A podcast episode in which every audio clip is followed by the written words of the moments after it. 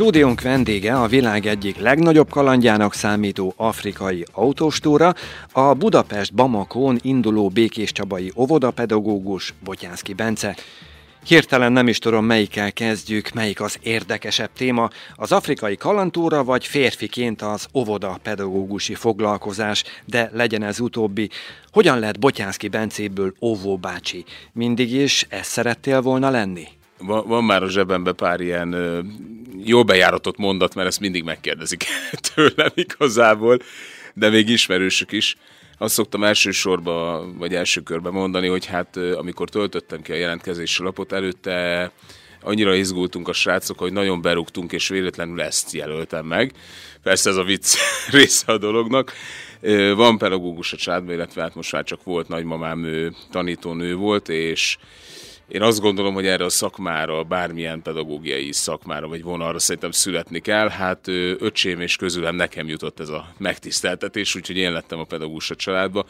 Nem tudom, mi volt az a kattanás, ami miatt ide sikerült eljutnom, hogy én óvodapedagógus leszek.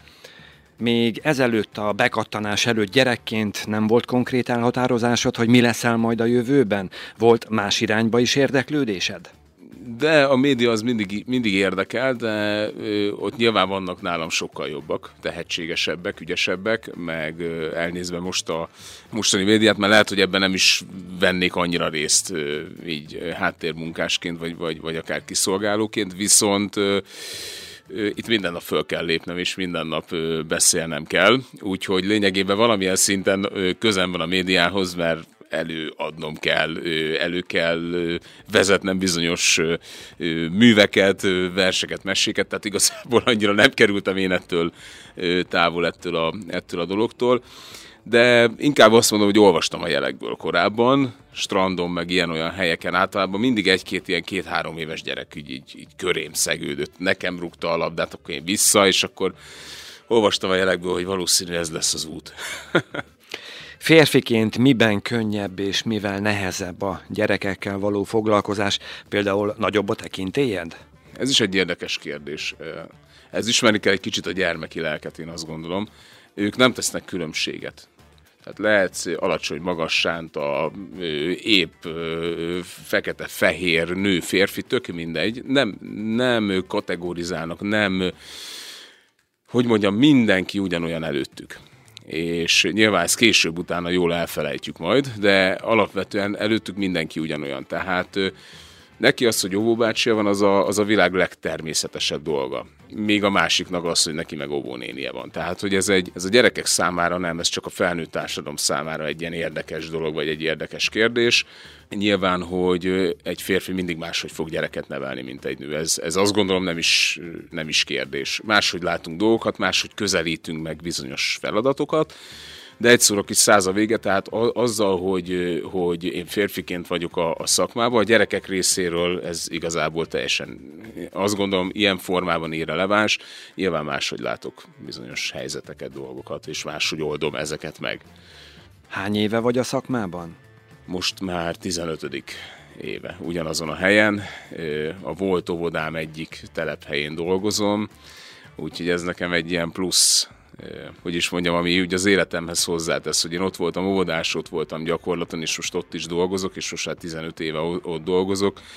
Most 40 éves vagyok, lényegében, ha jobban összeszámolom, akkor az óvodához már közel 22 év fűz valamilyen szinten, vagy hallgatóként, vagy óvodásként, vagy pedig dolgozóként, úgyhogy már elmondhatom, hogy ebbe az óvodába, vagy ebbe a közegbe már kicsit többet töltöttem, mint az életem fele és egyszer csak gondoltál egy nagyot, és elhatároztad, hogy nekivágsz Afrikának. Hogyan kezdődött? Honnan jött a kalandvágy? A kalandvágy az mindig bennem volt. Az, én azt gondolom, hogy ugye elég fegyelmezetnek kell lenni mind a mindennapi életbe, és itt, itt nagyjából reggeltől estig meg kell felelni valamilyen szinten, vagy a gyerekeknek, vagy a szülőknek, vagy magának a szakmai elvárásnak. És ebből az ember csak úgy tud egy picit üríteni, egy picit úgy tudja ezt a dolgot átlépni, ha, ha valami plusz tesz az életéhez. És akkor jött, akkor jött ez, a, ez az ilyen, próbáljunk ilyen-olyan kalandot. mindent próbáljunk ki, aztán valami majd lesz. És akkor ugye nekem kezdődött az életem ezekkel a különböző vetélkedőkkel, ilyen tévés vetélkedőkben voltam pár, aztán ugye hát az ember az mindig ugye teszi följe, följe, följebb a lécet, meg az elvárásokat, elmentem egy extrém ilyen ö, teljesítménytúrára télen Szlovákiába 2018-ban, az egyik barátommal, akivel egyébként utána a Bamakót is megjártuk, utána biztos tudják páran, voltam a, még ugyanabban az évben voltam a egyik kereskedelmi csatorna túlélő sójába, mert hát kellett arra is lapot húzni, és akkor utána Camillo mondta, hogy menjünk már el Afrikába. És így alakult ez a, ez a dolog, hogy hogy akkor az sem volt már elég, az éhezés, meg a, meg a megpróbáltatása a, a ottani közegnek a, közegnek a Fülöp-szigeteken, úgyhogy akkor nézzük meg ezt a túrát, Afrikát. Elsőre nyilván nevet mondtam rá. És utána, hogy sikerült mégiscsak rávennie Kamillónak, hogy induljatok? Ugye az elhatározás az megvolt, tehát én azt mondtam, hogy menjünk el, aztán utána elkezdtünk erről beszélgetni, elkezdtünk egyre több információt begyűjteni, és hát jött az, hogy ez mennyibe kerül. És akkor én azt mondtam, hogy hát, kamikám, köszönöm szépen, a, a, hogy rám gondoltál, de hát azért te is érzed, hogy közalkalmazottként erre nem lesz lóvé.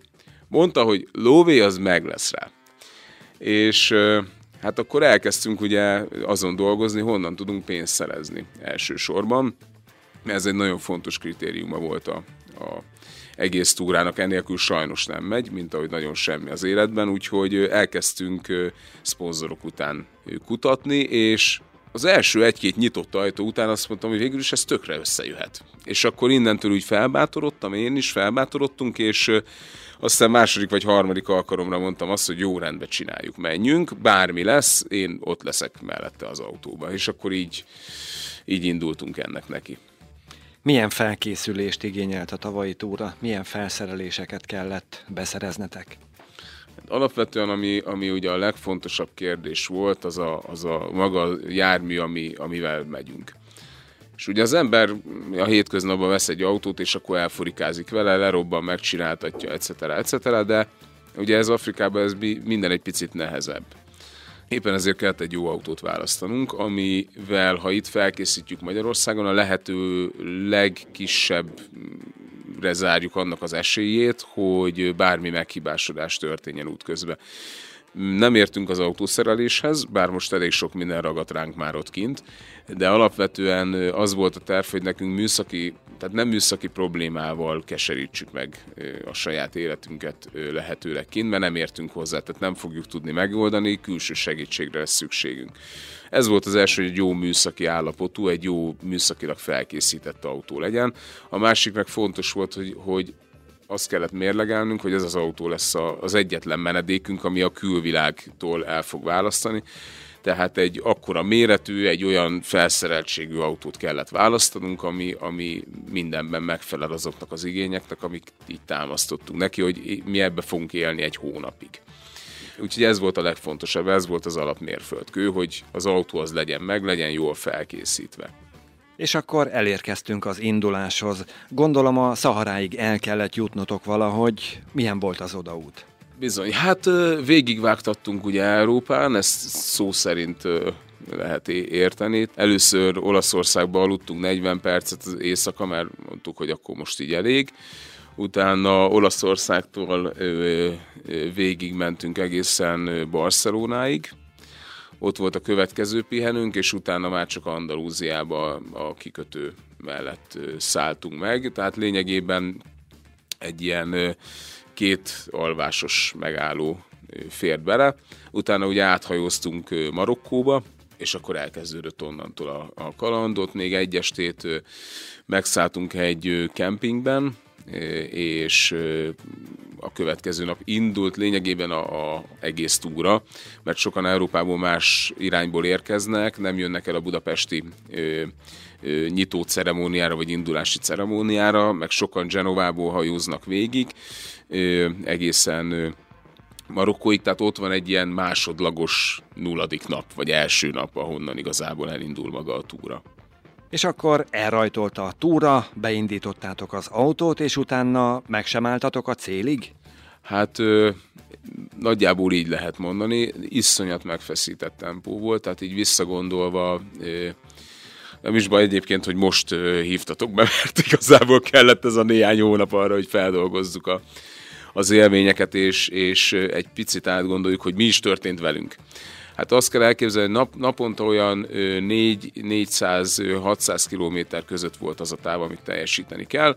Amit itt beülök Békés Csabán az autóba, ezt négy óra alatt elérek, mit tudom én, Györmoson, Sopron megyéig, és nincs ezzel semmi kaland. Viszont ugye hát ezt a négy pár száz kilométert, vagy 400-500 kilométert naponta, ezt igazából vagy a Szaharába, vagy úttalan utakon kellett teljesíteni, úgyhogy ez, ez önmagában már egy, egy, egy nehézség volt. Tehát kora hajnali kerés volt, volt ugye a homokdűnék között vergődve, éjjel egy óra, kettő óra között értünk be a táborba, ami a Szahara közepén volt, nulla látótávolsággal, tájékozódási pontokat, tehát csak a GPS világított mellettünk az autóba. Aztán voltak olyan szakaszok, hogy csak 200 kilométert kellett menni, de az 12 órába telt ugyanúgy, mert ott meg olyan terepviszonyok voltak például Gíneába, hogy egyszerűen nem, nem lehetett gyorsabb menni, gyorsabban menni. Mauritániába például a Szenegába vezető gáton, ott például 40 kilométeres szakasz 4 óra alatt tettünk meg. Tehát azt ugye az ember el tudja képzelni, hogy az milyen tempó. Tehát alapjárat alatt mentünk lényegében, olyan terepviszonyok voltak. Úgyhogy nagyon megfeszített volt a, volt, a, volt a tempó, minden országnak más volt egy picit a, az elvárása, így technikailag, vezetés technikailag is, de az biztos, hogy Gineában, akinek nem volt gondja, ott mindenkinek lett. Az egyes számú főút, azt nem is tudom, hogy Magyarországon tudnék-e olyan utat mutatni, ami, ami ahhoz hasonlít, egy ilyen vörös földes, iszapos, olyan, olyan fél méter mély bordákkal tarkított dzsungelen keresztül vezető út, és nincs másik. Tehát, hogy nincs az, hogy akkor én most másfele megyek. Nincs alternatíva, csak egy irány van. Autótok bírta? Kiképzést?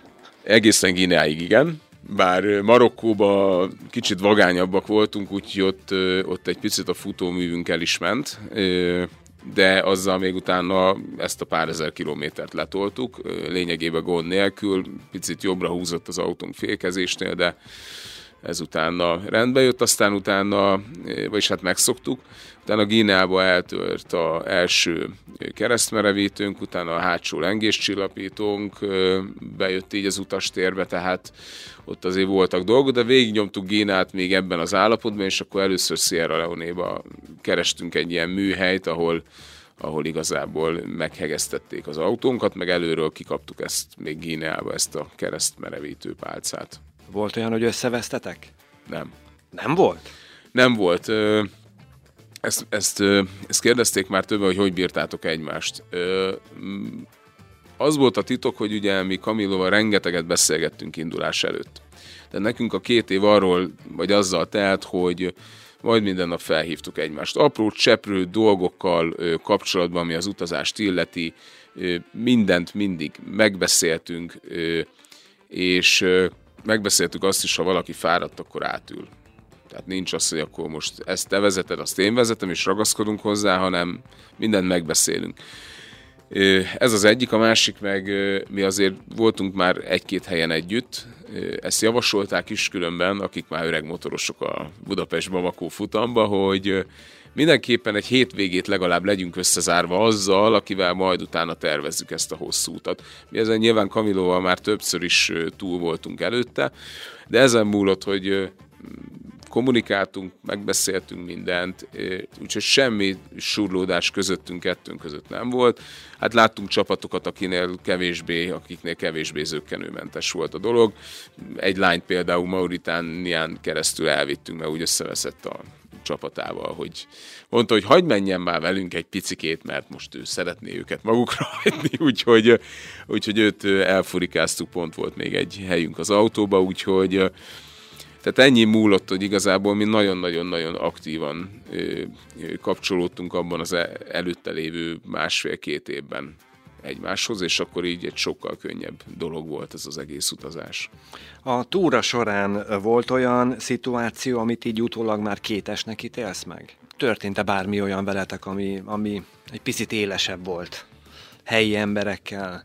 Hát én végig rettegtem a technikai hibától, vagy problémától, mert ugye nagyon nehéz ezt megoldani ott. És ilyen Demoklész kardja szerűen lebegett a fejem fölött ez az egész dolog, hogy úristen, mi lesz, hogyha ha technikai problémánk lesz, ha nem mozdulunk az autóval, nem tudunk. Mennyibe fog ez kerülni, ha mégis meg tudják csinálni?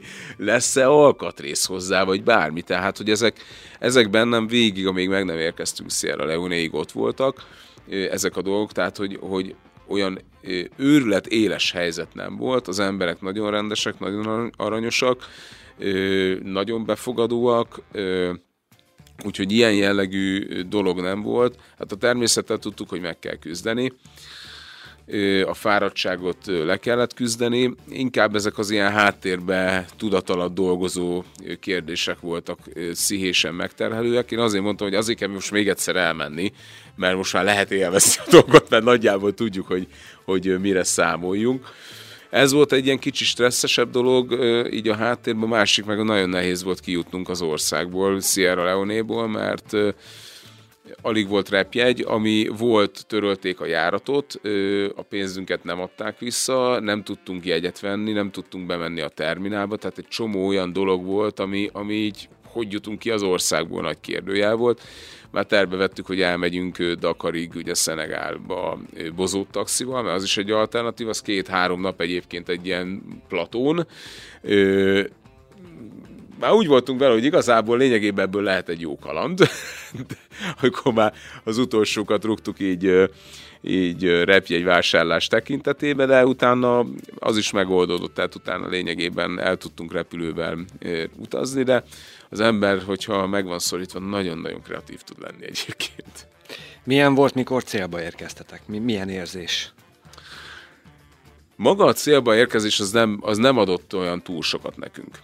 Előtte viszont a célba érkezés előtti napon megérkeztünk egy gyönyörű tengerpartra, ez a Bure Beach, az a neve, ez Sierra Leone-ba van, a fővárostól Freetown-tól egy ilyen hát 40-50 kilométerre, és ott volt a utolsó előtti nap, vagy az utolsó előtti éjszaka. Egyetemisták zenéltek nekünk, gyönyörű fehér homok, mögöttünk a hatalmas sziklák, gyönyörű pálmafákkal, gyönyörű, tiszta, kék tenger, tehát a, a, amit csak úgy el tudsz képzelni egy utazási magazinban, hogy ide gyertek, na azt ott láttuk, leálltunk az autóval a tengerpartra, ott fölvertük a sátrunkat, tehát hogy ilyen, ilyen ez, a, ez az úristen, de jó, és itt vagyunk, és megérkeztünk, és most már másnap csak egy 40-50 kilométer van, egy ilyen kötelező beérkezési ceremónia, aztán nem tudjuk még, hogy mi lesz, hogy lesz, tehát hogy igazából ez a Burebicsi megérkezés, ez a, ez a hivatalos beérkezés előtti éjszaka, ez, ez volt egy nagyon jó katartikus pillanat. Fülöttünk egy nagyot a tengerbe, este iszogattunk a helyiekkel, meg a, ugye a többi csapattal, azért csak nem is tudom, 250 csapat körül volt, azért azt, ha csak kettővel szorozzunk be, nagyon sok ember volt ott úgyhogy nagyon jól éreztük magunkat. Maga a beérkezési ceremónia, ott sajnos történt egy haláleset, és az egyik szervező szívrohamot kapott a beérkezésnél, és, és sajnos nem tudták megmenteni az életét, és ő amióta Bamakóban jár ki a, a főszervezővel, úgyhogy ez egy picit olyan szomorúbb is volt emiatt, de mondom, az már nagyon nem, tehát a Freetownba való beérkezés az már nekünk nem volt az a katarzis, inkább ez a Bure Beach, ez volt egy ilyen, végre itt vagyunk, megérkeztünk. Marokkóban néztünk egy szállást, és az a helyzet, hogy, hogy ez Lajumba volt, ez a, ez a szállás, mert ott úgy döntöttünk, hogy hotelba szállunk meg, és az a lényeg, hogy néztük a bookingon, a, hogy hol érdemes letanyázni, és Camillo mondta, hogy azt mondja, van itt egy olcsó szállás, azt mondja, hogy 100 négyzetméteres a szoba. Hát így néztünk egymásra, hogy ez most biztos, vagy na, úgy voltunk vele, lefoglaljuk, oda megyünk, megnézzük, hogy ha nem, akkor nem kérjük, ott kellett csak fizetni. Elmentünk, és valóban egy 100 négyzetméteres lakosztályt kaptunk lényegében ilyen, nem is tudom, talán ilyen 35 euró környékén, tehát lényegében fillérekért másnap gyönyörű reggelivel, nagyon pazar kiszolgálással bent a Totál belvárosban, egy ilyen pálmafás Tehát olyan, mintha mondjuk Európában lettünk volna egy ilyen pálmafás gyönyörű szép park mellett. Úgyhogy ez volt egy ilyen, ez egy, egy ilyen jó élmény volt, hogy ez biztos száz, igen. Úgyhogy ez egy, ilyen, ez egy ilyen vicces történet volt. Aztán Sierra leone volt egy egerünk a, a ottani szállodába. Azt üldöztük így egy-két napon keresztül, hogy, el tudjuk kapni. Hát a többi az küzdelmesebb volt egy picit, a többi része magának, a, magának az utazásnak. Időjárás milyen volt a túra alatt? Időjárás az, az igazából nagyon-nagyon forró volt, forró és száraz, tehát Marokkóban ilyen 50 fok körül jártunk, ahogy mentünk délebre, ott a Száhelőv környékén már egy picit barátságosabb volt az időjárás, viszont ott meg ugye a páratartalom ezzel egyetemben emelkedett. Hát Gíne az, az maga volt a pokol, tehát ott, ott ez a dzsungeles rész, ez iszonyatosan forró volt, és iszonyatosan párás. Reggelre egyébként a sátor olyan volt, mint hogyha eláztunk volna. Tehát, mert mi sátraztunk egyébként végig két-három alkalommal szálltunk meg csak ilyen helyen. Például Mauritániában, mondták, hogy nem annyira érdemes sátrazni, mert az elég veszélyes hely, a világ azt hiszem harmadik, negyedik legszegényebb országa, és akkor ott is egy ilyen zárt ö, helyre sikerült ö, mennünk, ahol, ahol megszálltunk. De alapvetően így, a, így az időjárás az, az, az, hát meleg volt, hát Afrika, tehát ebben nem volt igazából kétségünk, hogy ezt, ezt így át fogjuk élni. Ha valaki jövőre indulna elsőként a Budapest Bamako Rallin, mit tudnál neki tanácsolni? Hát az, hogy induljon el. Tehát ha megvan a gondolat, induljon el, bár egyébként a nevezések már elfogytak, és idén két turnus lesz, tehát lesz egy január végi, illetve lesz majd egy, ami márciusban indul, tehát aki autóval megy vissza, ez egyébként a tervünk, valószínűleg szembe fog találkozni a, a következő induló csapattal. Úgyhogy én, az, én, az, én azt javaslom, hogy vágjon bele, tehát tervezze meg azért rendesen, beszélgessen beszélgessen emberekkel, homlok egyenes más információkat fog hallani, egymástak ellentmondókat is, mert mi is igazából rengeteget gyűjtöttünk ezekből be, de legyen egy jó terv. Tehát ez, ez, ez fontos, legyen egy jól átgondolt terv, meg egy jó útítás. Ez nagyon fontos. A tavalyi úthoz képest idén fogtok változtatni valamit majd a felkészülésben? Igen és nem. Az autót nem fogjuk ennyire felkészíteni, mint, mint az előző alkalommal egy picit jobban, tehát kicsit túlkészítettük az autót, én azt gondolom. Kevesebb cuccot fogunk vinni, tehát még annál is, mint vittünk, mert mindenki mondta, hogy sokkal kevesebb cuccot, hát mivel olyan három-négy naponta tudtunk fürdeni, így biztos, hogy például ruhából a, a negyedét fogjuk elvinni annak, mint amit bekészítettünk, tehát ez a, ez a biztos igazából nem változtatunk nagyon semmit, tehát hogy, hogy nekünk jól bejött az a, az a szintű, meg az a minőségű felkészülés, amit végrehajtottunk, abból most tudunk elvenni egy picit, meg, meg fog is kelleni, de, de ugyanazt fogjuk csinálni egyébként. Szponzorok tekintetében is nagyon jó kilátásaink vannak, tehát akik tavaly mellénk álltak idén is jelezték, hogy ők szívesen támogatják ezeket a dolgokat, mert ugye arról még nem beszéltünk, de hát azért mi alapvetően egy, egy karitatív céllal kezdtük el ezt az egész dolgot. És mi úgy gondoltuk, hogy picit segítsünk kint. Aztán utána úgy gondoltuk, hogy igazából lenne itthon is tennivaló, tehát nekünk, nekünk a két év az itt ilyen transzparens módon az itthoni segítségnyújtással telt el. Korábban is foglalkoztunk ilyennel, Kamiló is, meg én is külön-külön a saját berkeinken belül, de ezt most összeraktuk, úgyhogy egy ilyen Szeged Békés Csaba tengelyen itt próbáltunk karitatív dolgokat megjeleníteni, ami egyrészt azért volt fontos, hogy, hogy lássák az emberek, hogy ez nem egy öncélú, nem feltétlen egy öncélú túra. Persze tök jól éreztük magunkat, meg nagyon jó volt, de azért van ennek egy, egy vagy lehet ennek egy egyéb vonulata is.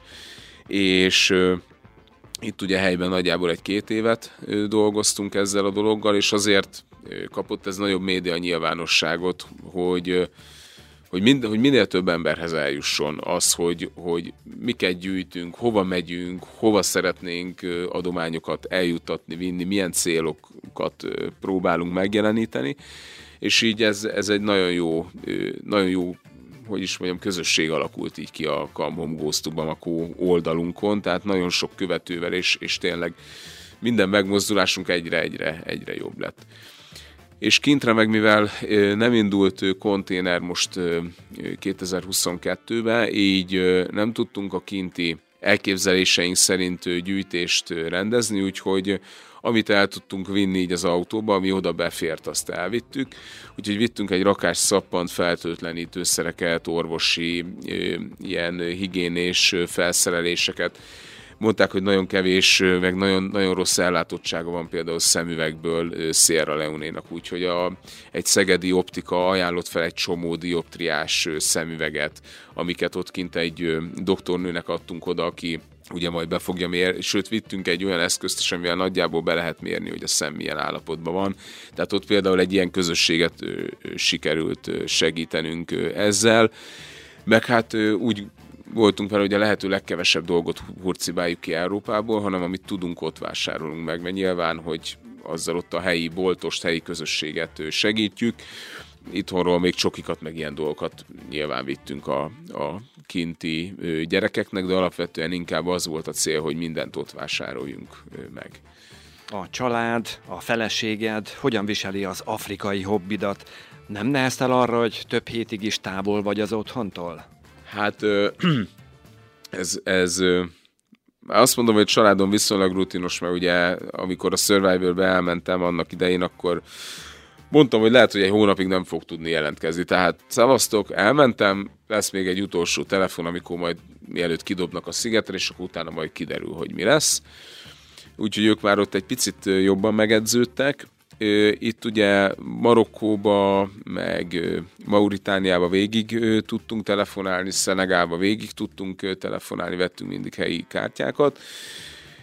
Gineába volt az, hogy, hogy ott, ott nem. Tehát ott három napig teljesen eltűntünk, de az oldalán egyébként a főszervező oldalán ott lehetett követni, hogy mikor érkezünk be, mert volt egy ilyen karperecünk, amit minden este le kellett csippantani egy egy helyen, és akkor onnan a hozzátartozók láthatták, hogy az a, hogy bizonyos csapatok beértek-e aznap, vagy mikor értek be, vagy nem értek még be, tehát hogy ezt így azért nyomon lehetett követni, de ott három nap teljes, teljes csönd volt, és akkor Sierra Leone-ból tudtunk legközelebb jelentkezni, vagy, vagy telefonálni. Hát az, ne, velünk ugye történtek a dolgok, mi annyira nem voltunk itthon, így fejben, viszont az itthoniaknak nagyon, nagyon nehéz volt ez a, ez a pár nap, hogy tényleg nem tudtak rólunk szinte semmit, úgyhogy hát most már edzésben vannak, annyira nem volt nagy öröm így a mostani indulásnak a híre, de hát majd megemészti mindenki. Úgyhogy én messze leszek ahhoz, hogy halljam az itthoni hangokat, úgyhogy majd megemésztik. Hát a lányoknak egy picit talán nehéz volt, vagy nehezebb volt, de az is csak addig, amíg, amíg nem tudtunk beszélni, tehát egyébként meg már a világ az össze van kötve, úgyhogy így már a telekommunikációs eszközökön keresztül azért nem, nincsen távolság.